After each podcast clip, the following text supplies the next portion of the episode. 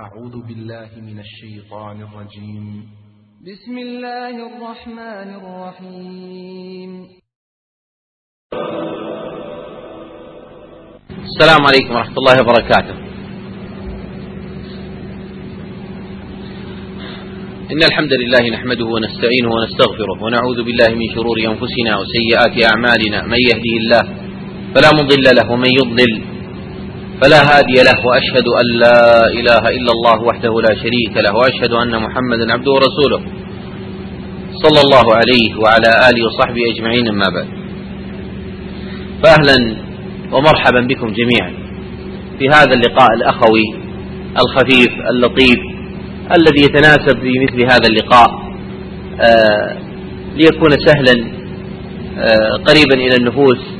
لنتناول قضية أو قضايا متناوع متنوعة حول ما يشغل الناس ويسأل عنه الناس. الجوال. لا يكاد يوجد أحد الآن إلا ما قل إلا ويكون بحوزته جوال. ولكن الحديث هنا عن ربما في أكثره عن جواله الشخصي ف لأفتح نافذة مكشوفة إليكم جميعا عما يدور وعما يسأل عنه الناس وعما يشكل عليهم بل حتى بعض اللطائف التي قد ترد فأنا أوردها بل عن بعض التنبيهات التي أقترحها إليكم في الاتصال للسؤال على وجه الخصوص والاستفتاء. الجوال معي يرده يوميا المئات من الاتصالات عبر الاتصال وعبر رسائل الجوال. ويكاد أن تكون هذه مشكلة يعني الضغط بكثرة الاتصالات والضغط بكثرة الرسائل مشكلة. وأنا أعاني من هذه المشكلة. وإلى الآن لم نجد لها الحل الملائم المناسب. وحاجة الناس إلى السؤال مستمرة.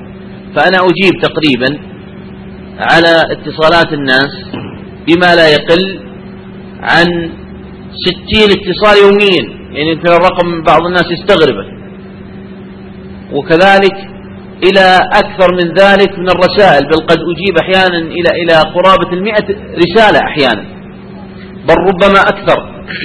حتى عندي نماذج في الإجابات وأحيانا لا أسوق إجابة جديدة وهذا هو الأكثر.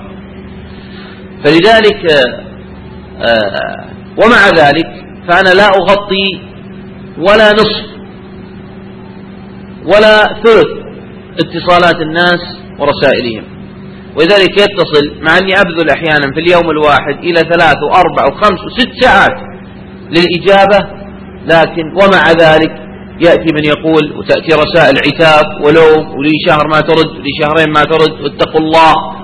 في فيما حملكم الله من الأمانة إلى آخره. أه وبعضهم يعني يأتي بعبارات تهديد. إذا لا تلومونا إذا فعلنا الخطأ مع أنك إذا كنتم أنتم لا تردون ولا تبينون الحق ولا. فهؤلاء أحيانا أتصل عليهم أنا ولا يردون. على الأقل يكون من باب أنه يدرك أنه قد يتصل به الإنسان ولا يكون في وقت ملائم. من الأسئلة أو من التنبيهات التي تكون في استفتاء الناس والتي أدعو إليها حقيقة الجميع أن يتنبه لها. اطرح سؤالك باختصار. لا تطيل. يعني في مقدمات البعض يتصل عنده سؤال مثلا في في في حكم فقهي. فيقول أنا عندي سيارة أملك سيارة آه تريلة مثلا. واشتريتها من عام كذا ثم إني أنا كنت محمل حمولة وطالع من منطقة من جنوب المملكة ووصلت الطائف بعدين مريت على الميقات وأحرمت منه ثم كذا ثم كذا ثم كذا ثم كذا. ويقول إني نمت وغطيت رأسي وأنا نايم خطا. فهل علي شيء؟ طبعا كل المقدمة هذه لا علاقة لها بالموضوع ولا صلة لها لا من قريب ولا من بعيد. فهذا خطأ. اذكر السؤال اللي هو الشاهد المقصود. فهذا جانب الاختصار في السؤال. أيضا من الأشياء المهمة اترك المقدمات ما أمكن لأن, لأن الشيخ الذي الذي تستفتيه عليه ضغط من الاتصالات ضغط شديد. ربما على أقاربه أحيانا والديه وأهله ربما ما يسعف الوقت في بعض الأحيان الرد على الهاتف بسبب كثرة المشاغل وكثرة الضغط على على الجوال. ولذلك اختص اترك المقدمة ما أمكن. لأن البعض يتصل يذكر مقدمة طويلة. السلام عليكم. وعليكم السلام إلى هذا القدر مطلوب؟ لكن ما زاد عليه فأنا أقترح. السلام عليكم. أطرح سؤالك. لكن البعض كيف الحال؟ وعساك طيب؟ وش أخباركم؟ وشلون العيال؟ وعساكم طيبين؟ الحمد لله بخير الله. وما يدري أني في خمسين واحد قبله وفي أيضا سيأتي بعده. وأن الوقت اللي عندي وقت قصير الآن لازم أجيب على أكثر قدر ممكن من الأسئلة. لكن أيضا لابد تلاطف الناس. فتجيب عليه بهذه الطريقة. يعني أنا أدعو للاختصار. لكن آه، أيضا يستمر. فيقول آه، معي ما شاء الله معي الشيخ إيه نعم. الوقت مناسب للاتصال؟ إيه نعم مناسب. طيب عندي سؤال يا شيخ. طيب تفضل. يعني كل هذه أشياء احذفها. اطرح سؤالك مباشرة. السلام عليكم. اطرح السؤال. مرة من المرات اتصل بواحد. السلام عليكم. عليكم السلام. كيف حالك يا شيخ؟ الحمد لله. شلون العيال؟ والله طيبين ولله الحمد. تفضل بالسؤال. آه وشلون امورك؟ عساك طيب؟ الحمد لله. تفضل. قال يا أخي أنا جاي أسألك بس. جاي بسلم عليك. قلت ابدا حياك الله أهلا وسهلا وعتب علي وكذا. حياك الله أهلا وسهلا كيف حال؟ الحمد لله. وشلون العيال؟ طيب عندي سؤال. قلت ابدا تفضل بالسؤال. فهو يعني أيضا مسألة أن المقدمة والأخذ والعطاء بل أحيانا يحرجك بالسؤال. ما شاء الله كيف الحال؟ عساك طيب. شلونكم عقب الأمطار والخيرات؟ أو بعضهم يقول ما شاء الله أنتم من أي الأحمد آه ويبدأ يتوسع وكذا و... ولا أحيانا يدخل ما شاء الله رسالة الدكتوراه كانت في موضوع كذا وكذا. إيه. ويعني يدخل أنا أظن أحيانا اتصال من الجامعة ولا شخص له صلة علمية ولا يبي يتواصل. ثم يقول ترى ما عرفت من معي. يقول لا سائل. ثم يطرح سؤاله. فأنا أقول للجميع السؤال اختصر ثانيا اترك المقدمات وادخل في الموضوع مباشرة. ثالثا آه، أحيانا الإنسان يكون متأثر متألم امرأة مرت بمشكلة رجل مر كذا يعني أحيانا يكون في بكاء وتقطع في الصوت وعدم وضوحه يا أخي خلي البكاء في غير يعني إحنا ما نقول ما في بأس لكن احرص أن يكون السؤال بعيد عن هالمشاعر ويضيع الوقت ولا يتحقق المقصود ف وخصوصا من النساء تضبط الأمر ويكون الكلام مختصر. إذا تمت الإجابة كثير من الناس طبيعتهم أنه يعيد السؤال مرة ثانية. فيقال له مثلا آه في آه، مسألة من المسائل مثلا جواز المسح على الخف المخرق أو جواز المسح على الشراب الشفاف مثلا أو الخفيف. فيقول قلت الراجح جوازه آه، لعدم الدليل المانع. وأنه يطلق عليه جورب وكل ما يطلق عليه جورب يجوز المسح عليه ولم يرد. يعني في السنة ما يدل على شرطية أن يكون صفيقا. هذا الأقرب إلى الرجحان. فيقول ما شاء الله. أجل فعلا. يعني يجوز أجل. يعني ما في بأس. إيه ما لا لا بأس. والله كنا في السابق نحن ما نفعل هذا. يبدأ يعلق. وأيضا أنت تضطر أنك تجامله. وهو ما يدري أنه يأخذ من وقت الاتصال. أيضا من اللطائف. أو بعض الناس يعني لما يتصل يقول أرجو الاتصال للأهمية. فتتصل يقول عندي سؤال. وأحيانا يكون في ساعة متأخرة من الليل. أنا ما أدري من اللي قال أرجو الاتصال للأهمية. أكيد في مشكلة. فهذه الرسائل ينتبه للواحد أنه ما يرسلها المشايخ لأنها قد تضطر الإنسان أن يوقف ويتصل. وقد يكون في ساعة متأخرة. بل أنا يعني أحيانا يأتي بالرسالة المجانية أرجو الاتصال. وأنا قطعت هذا الباب لأن قد يكون المرسل أو المتصل امرأة أو كذا وأنا لا أريد أن أتصل بامرأة مطلقا. فلذلك أقطع هذا الباب تماما. عندي شيء يتصل هو أنا أجيب باختصار. من لطائف الأسئلة أن رجلا اتصل علي مرة ويسألني عن الجمع والقصر في السفر. ويقول إني جمعت العصر مع المغرب. جمع تقديم وقصرت الصلاتين. وعنده سؤال آخر غير موضوع الجمع والقصر فقلت له لحظة.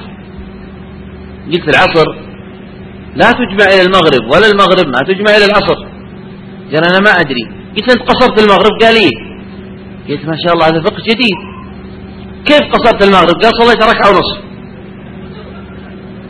فأنا تعجبت يعني كيف الإنسان ينشئ فكرة وحكم جديد لا أصل له؟ لكن هذا موجود وإن كان من اللطائف والنوادر القليلة لكنه موجود. أكثر أسئلة الناس الآن في هذه الفترة في أحكام الرمضانية مثلا يكاد أن يكون مما يحتل الدرجة الأولى السؤال عن آه، إبرة الدواء آه، إبرة سحب الدم. عفوا سحب الدم. هل يفطر ولا ما يفطر؟ ولأهمية هذا السؤال ولتكراره فإني أذكر ضابط في الموضوع.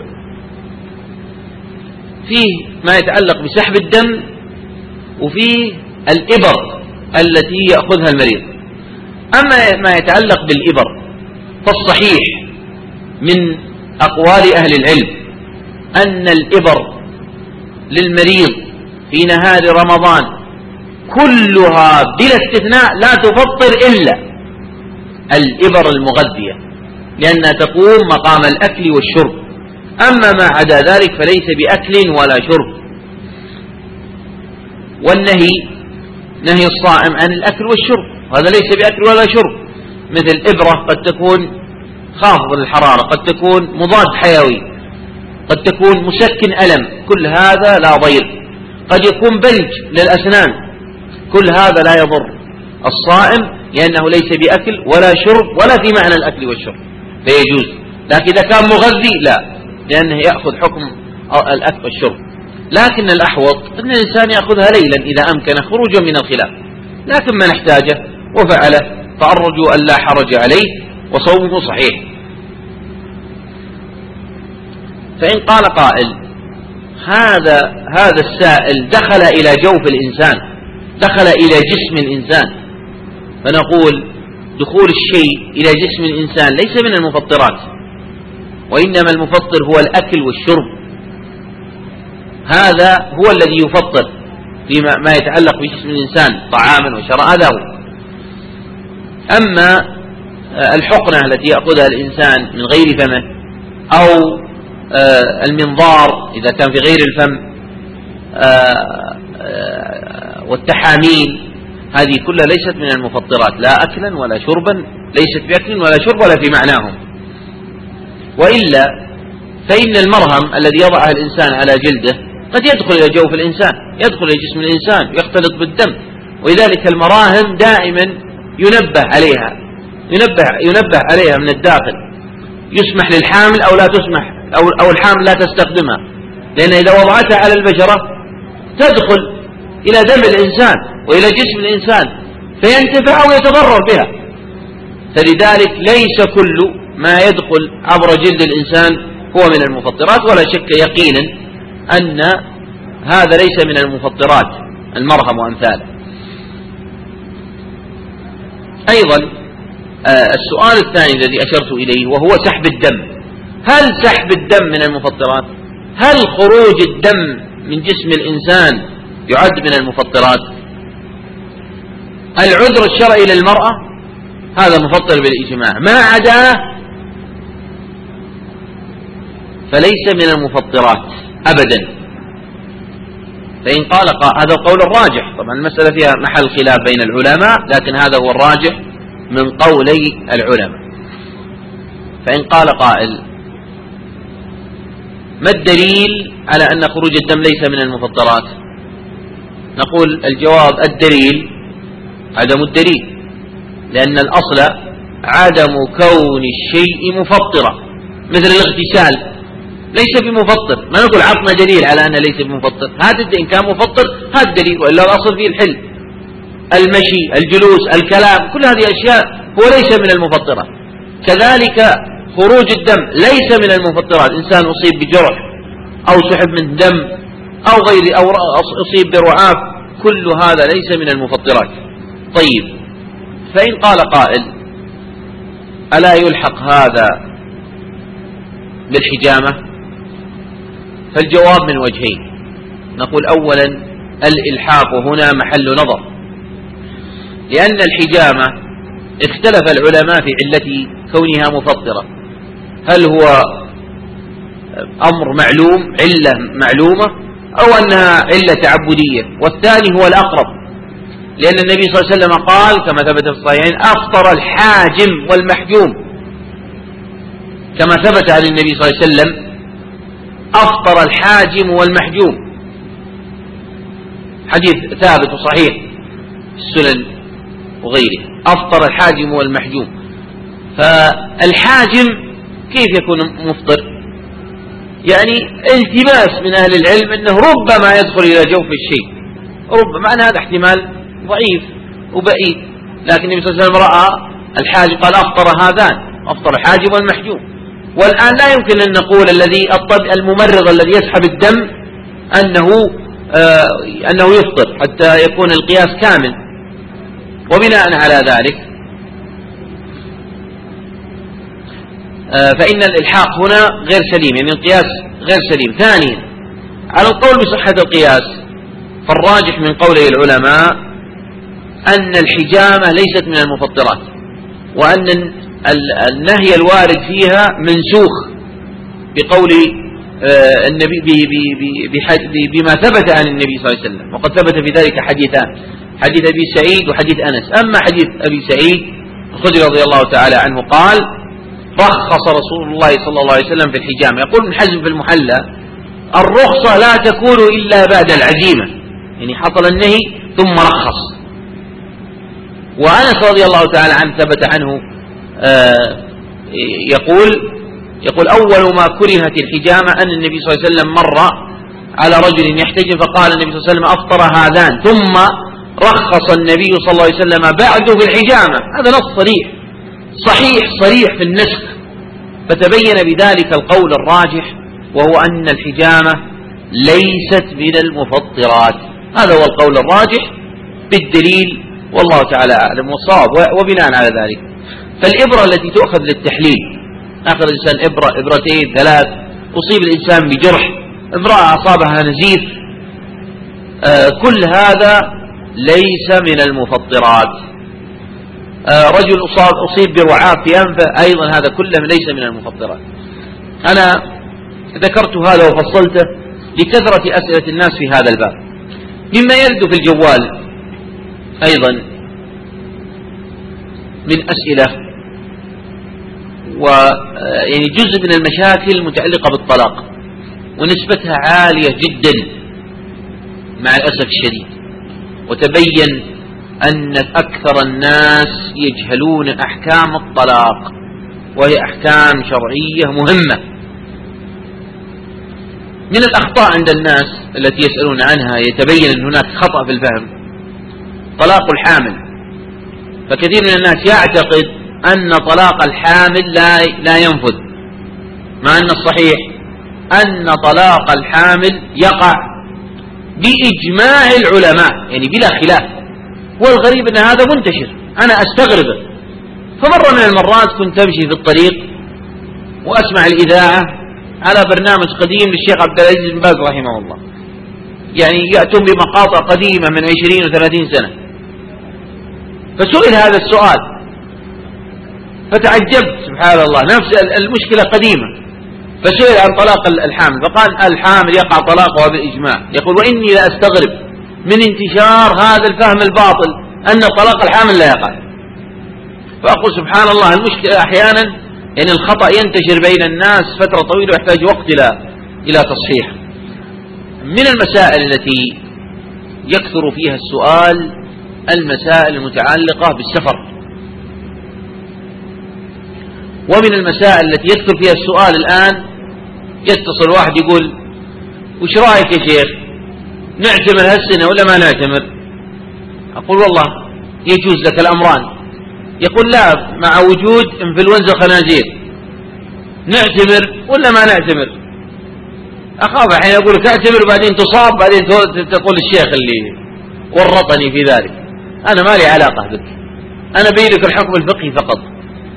مكة لا تعتبر دار وباء. لا تعتبر دار وباء. يعني لم ينتشر فيها المرض انتشر فيها الطاعون التي يحرم أن يخرج أهلها منها ويحرم دخول الناس إليها. لم ينتشر. لم يعتبر وباء منتشر. وإنما حالات منتشرة في مكة وفي غيرها. وقد تزيد بعض المناطق على بعض بدرجات متفاوتة لكن لم يكن وباء. فإذا لم يكن وباء فإنه يجوز دخولها ويجوز خروج أهلها منها. وبناء على ذلك فإنه يجوز أن يعتمر الإنسان في هذه الأيام ويجوز له أن يحج بإذن الله تعالى. ومن أراد أن يترك فالأمر إليه لأن العمرة ليست واجبة عليه. سنة في الغالب الناس لمن اعتمر. أما من لم يعتمر فعليه أن يبادر ولا يتردد ولا يتأخر. ومن المسائل المنتشرة والتي يكثر فيها السؤال المتعلقة بالسفر لبس الكمام للمحرم. يقول أنا بيلبس الكمام خشية من انفلونزا الخنازير أولا من الناحية الطبية نتجرأ شوية على الأطباء. أنا سمعت أو اطلعت على مقال في موضوع لبس الكمام الكمام ويقول هذا الطبيب المختص يقول أغلب الناس لا يعرفون الطريقة الطبية للبسه وأغلب استعمال الآن له الناس له الآن خطأ. وربما يكون ضرره أكثر من نفعه. فيقول إن إن الكمام ذا آه، الاستعمال الواحد له آلية وطريقة في الاستعمال. يستعمل ما تلمسه ترميه فورا. هو هو مهيأ على أن يستعمل مرة واحدة. فتجده من يذهب حتى يعود على الكمام فيجمع أنفاس الناس ومعه يمسى في يده فتنتقل المشكلة إليه وإلى أولاده.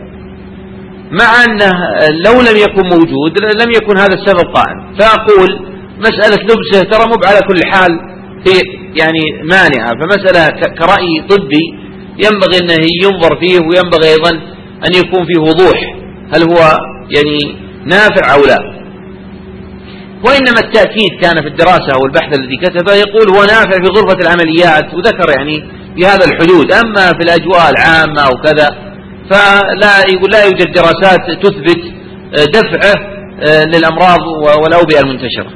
وربما يكون ضرر أكثر من نفع إذا لم يستعمل استعمالا صحيحا. لكن ليس هذا بحثنا. بحثنا في الجانب الفقهي. لكن الجانب الفقهي كثيرا ما ينبني على التصور الطبي. طيب ما حكم لبس الكمام للمحرم؟ فيه خلاف بين علماء المعاصرين والذي يظهر والله تعالى أعلم. أنه داخل في محظورات الإحرام. لأن الكمام بالنسبة للمرأة يعتبر من مخيط الوجه والمرأة محظور عليها مخيط الوجه. كما ثبت عن النبي صلى الله عليه وسلم ولا تنتقب المحرمة ولا تلبس القفازين وقد نصر هذا القول شيخ الإسلام تيمية أن المنهي هو النقاب وليس الغطاء النقاب. وثبت عن عائشة كما عند ابن أبي شيبة بسند جيد. عن عائشة رضي الله تعالى عنها قالت لا تتبرقع المحرمة ولا تتلثم وإنما تسدل إن شاءت إذا النهي عن عن النقاب البرقع اللثام.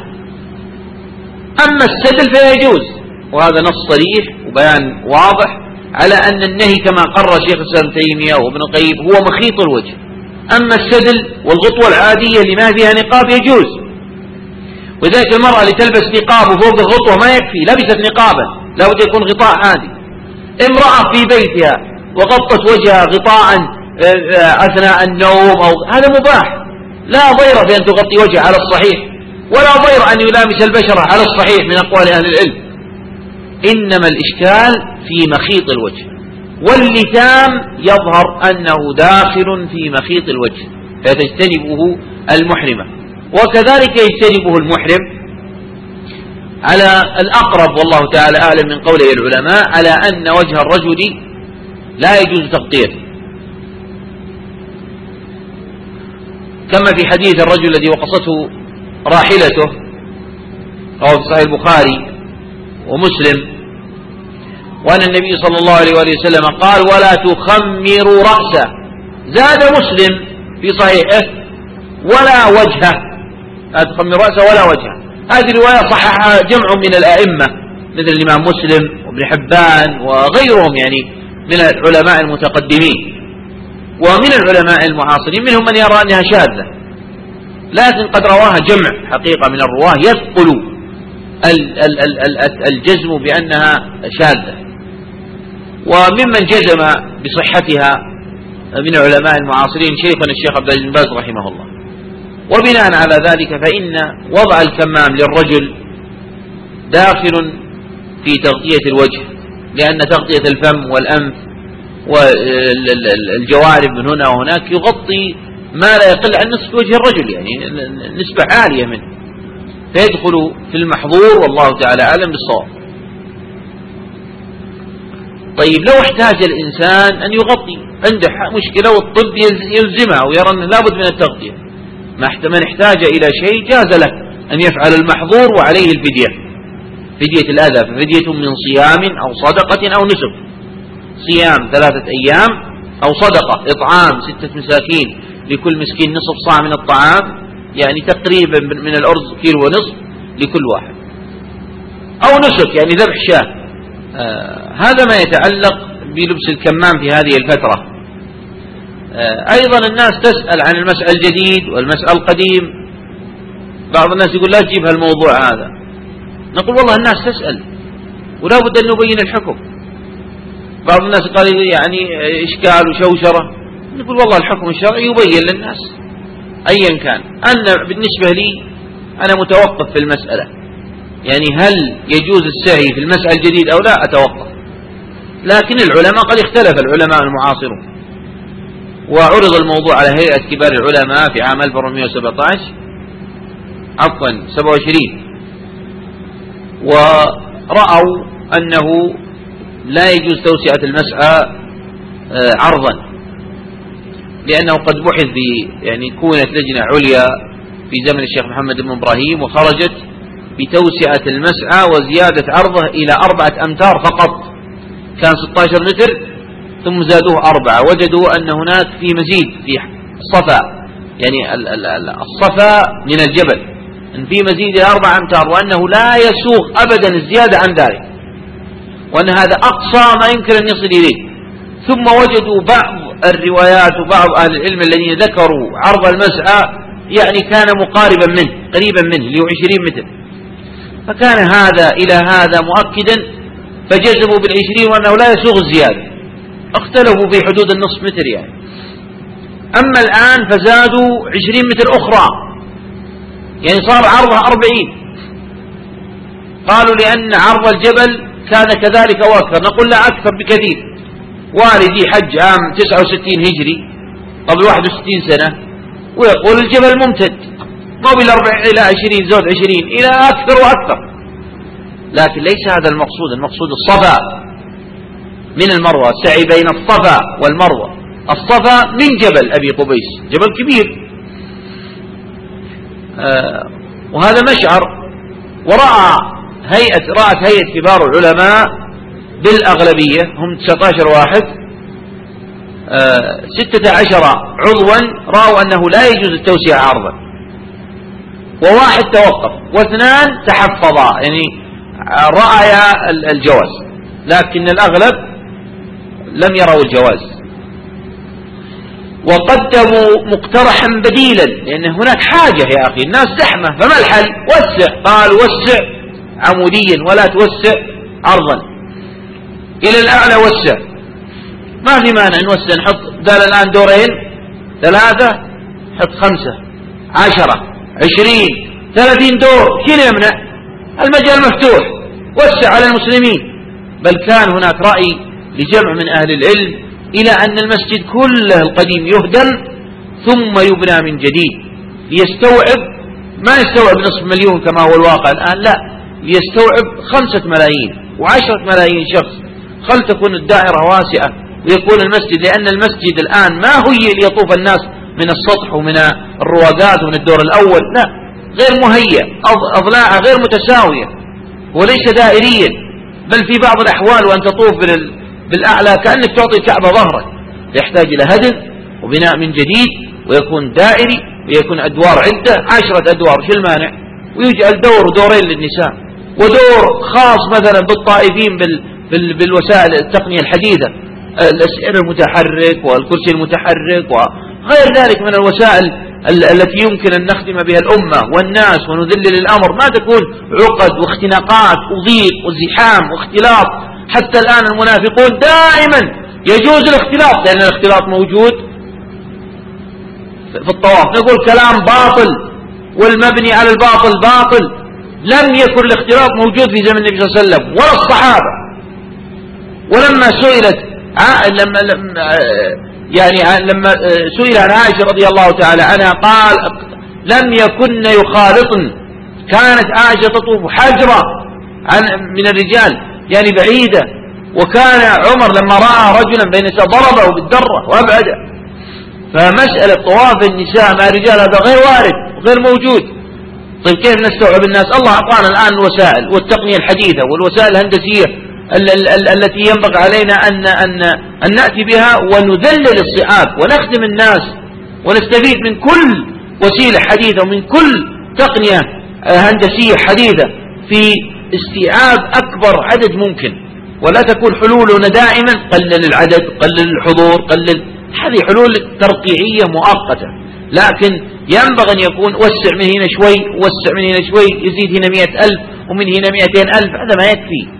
حتى عندك مشروع ضخم استوعب الملايين انت في المباني استوعب اعداد ضخمة. الشوارع ما تصلح الشوارع هذه بأرض عشرين وثلاثين متر. هذه مرحلة ما يمكن العالم كله تريد الوصول إلى مكة. أكثر من مليار مسلم كل واحد منهم يتمنى المجيء. فلا بد أن, أن تهيئ الأمور والأوضاع والأحوال والطرق والممرات والشوارع. يكون عندنا مشروع. لو على مدى على مدى خمسين سنة من الآن ماذا نريد أن تكون مكة. ماذا نريد أن تكون المشاعر؟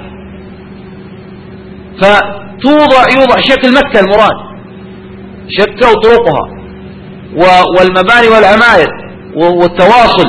ما نضع؟ وكذلك المشاعر كيف تكون؟ منى كيف تكون؟ مزدلفة كيف تكون؟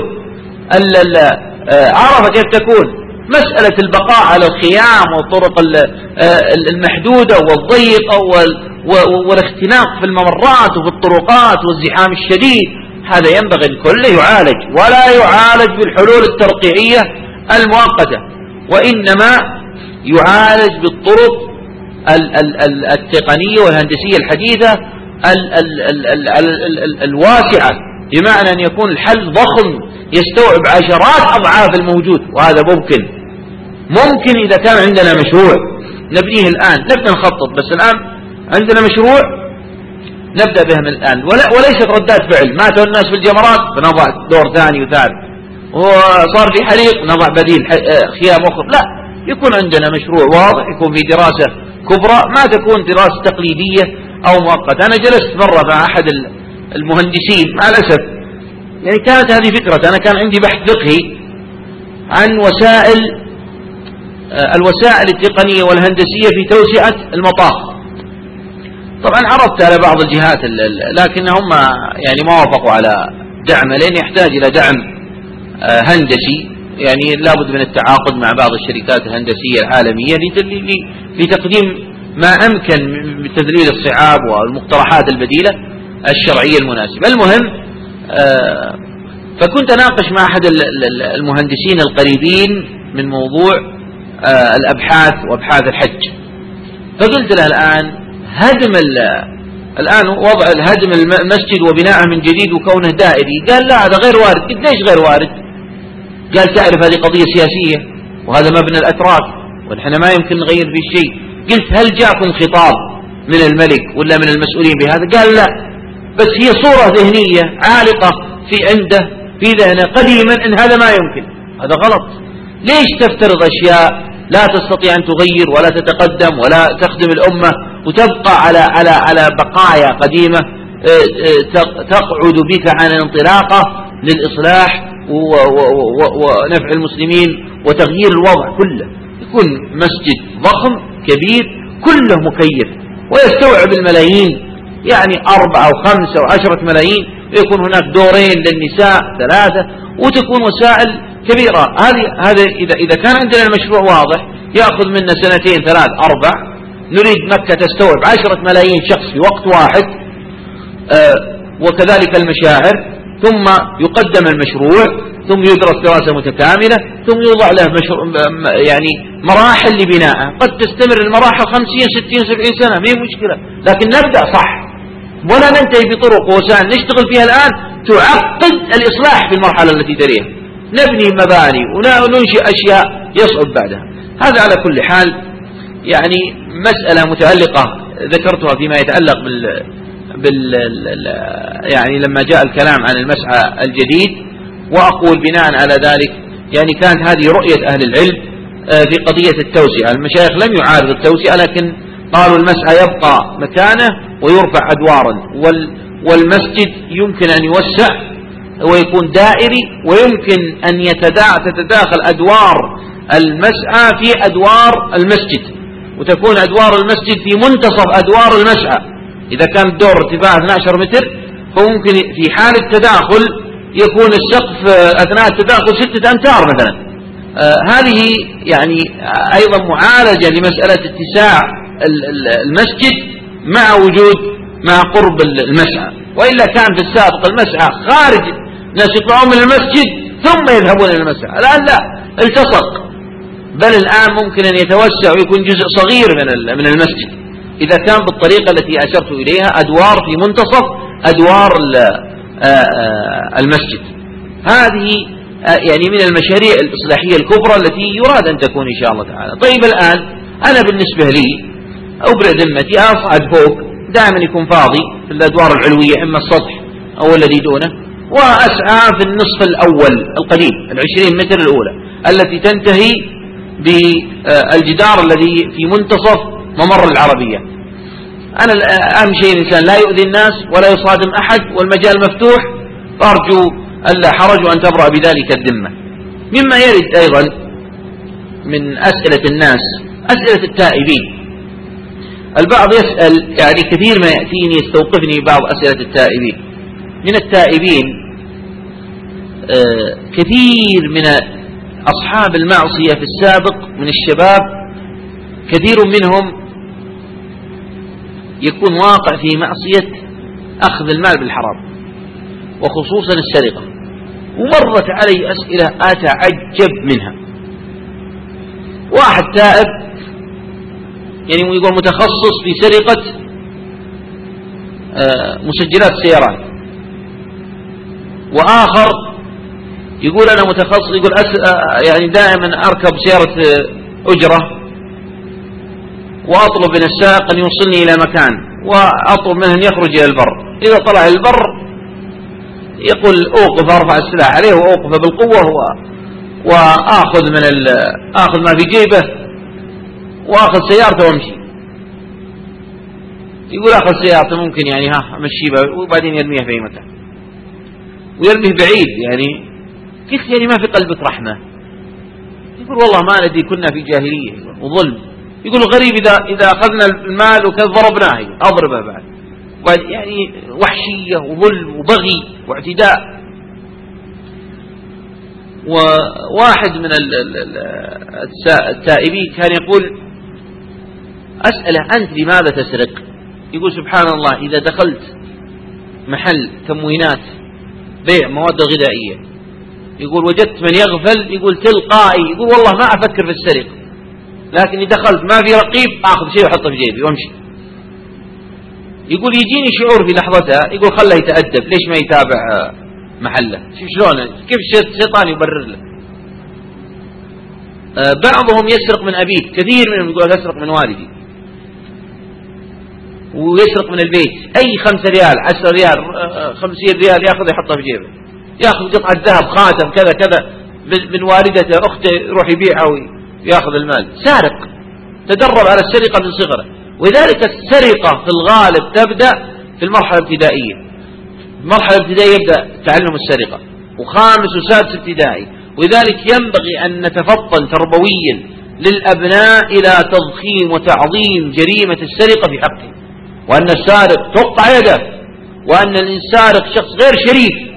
وغير كريم وسيء الخلق يجب قطع يده والشرع أمر بقطعها ويمشي بدون يد حتى الناس تتعظ وتعتبر بحاله ووضعه.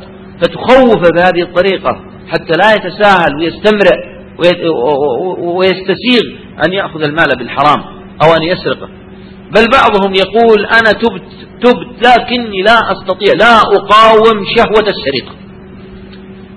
وهذا يعني أنا أنا أتعجب منه. لكنه واقع وموجود. أما سرقة الجوال فحدث ولا حرج. حتى كان سرق مني ثلاث جوالات. وكان من ضمنها مرة من المرات كان عندي كلمة في مسجد. وتأخرت ضيعت المسجد من هنا من هنا. مع يعني لكن وجدت المسجد. فإذا بالإمام قد أقام.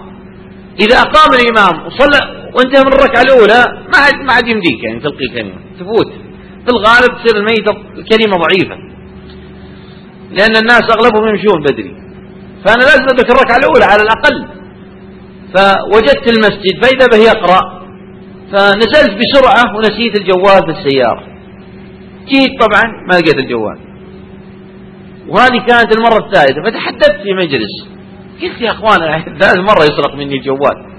فإذا المجلس كلهم كل واحد يقول أنا فعلا سرق مني جوال وهذا سرق مني جوال ف... فكتبت محاضرة ألقيت محاضرة بعد ذلك عن بعنوان الجوال المسروق. طبعا هو معالجة مشكلة السرقة في المجتمع كمعالجة التربوية مهمة. آه، يعني من ال ال ال ال الأعمال الملحقة بالملتقى هنا جوال الخير. وجوال الخير هذا يقوم بجهد كريم وكبير جدا وهو أنه يأخذ الذاكرة من جوالك ولا يحذف ما فيها وإنما يضيف إليها مقاطع صوتية ومرئية نافعة. ولذلك هي ملائمة آه، للجميع فيستفاد منها وهي تسد ثغرة وتدفع شر. فجزاهم الله خير الجزاء على ما فعلوا ويفعلون. فأدعو إلى الاستفادة من جوال الخير وأدعو إلى دعم هذا المشروع. يحتاج إلى دعم مادي. ويحتاج أن يتوسع بحيث يكون عندهم موقع وقدرة على يعني قوية جدا وتغطية واسعة في المدارس وغيرها ويحتاج إلى إلى دعم مالي. آه، فأحث على ذلك. أيضا الإخوة يوجد آه، آه، يعني جانب للتبرع بالدم لمن أراد. وهذا من التعاون على الخير إن شاء الله وهو التبرع بالدم لإنقاذ المعصومين في المستشفيات.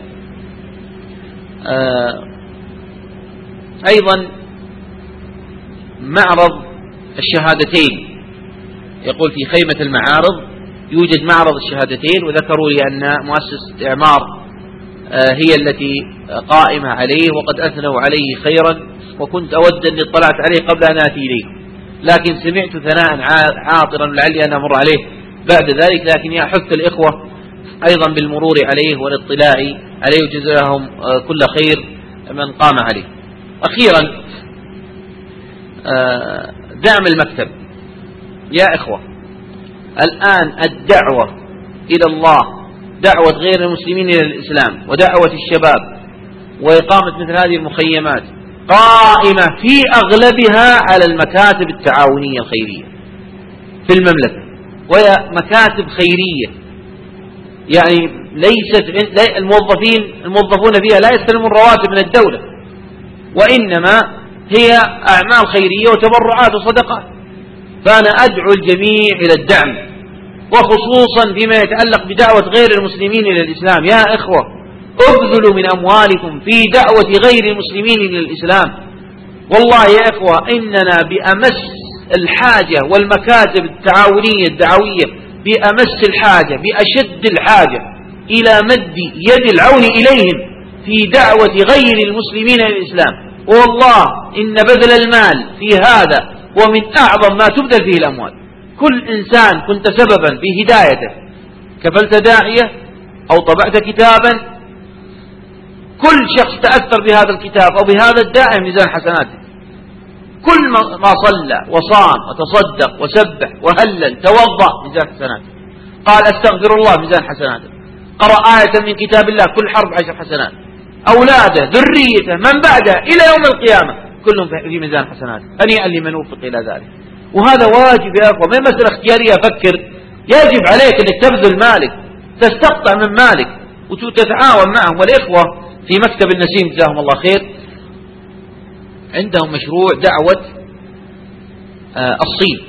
يعني متخصص المكتب متخصص في آه، دعوة الجاليات الصينية ودعوة الصينيين داخل المملكة وخارجها وهم في مشروع إعداد موقع ضخم. وقد عمروا في رمضان هذا مئة من الصينيين ولله الحمد ومن المسلمين منهم.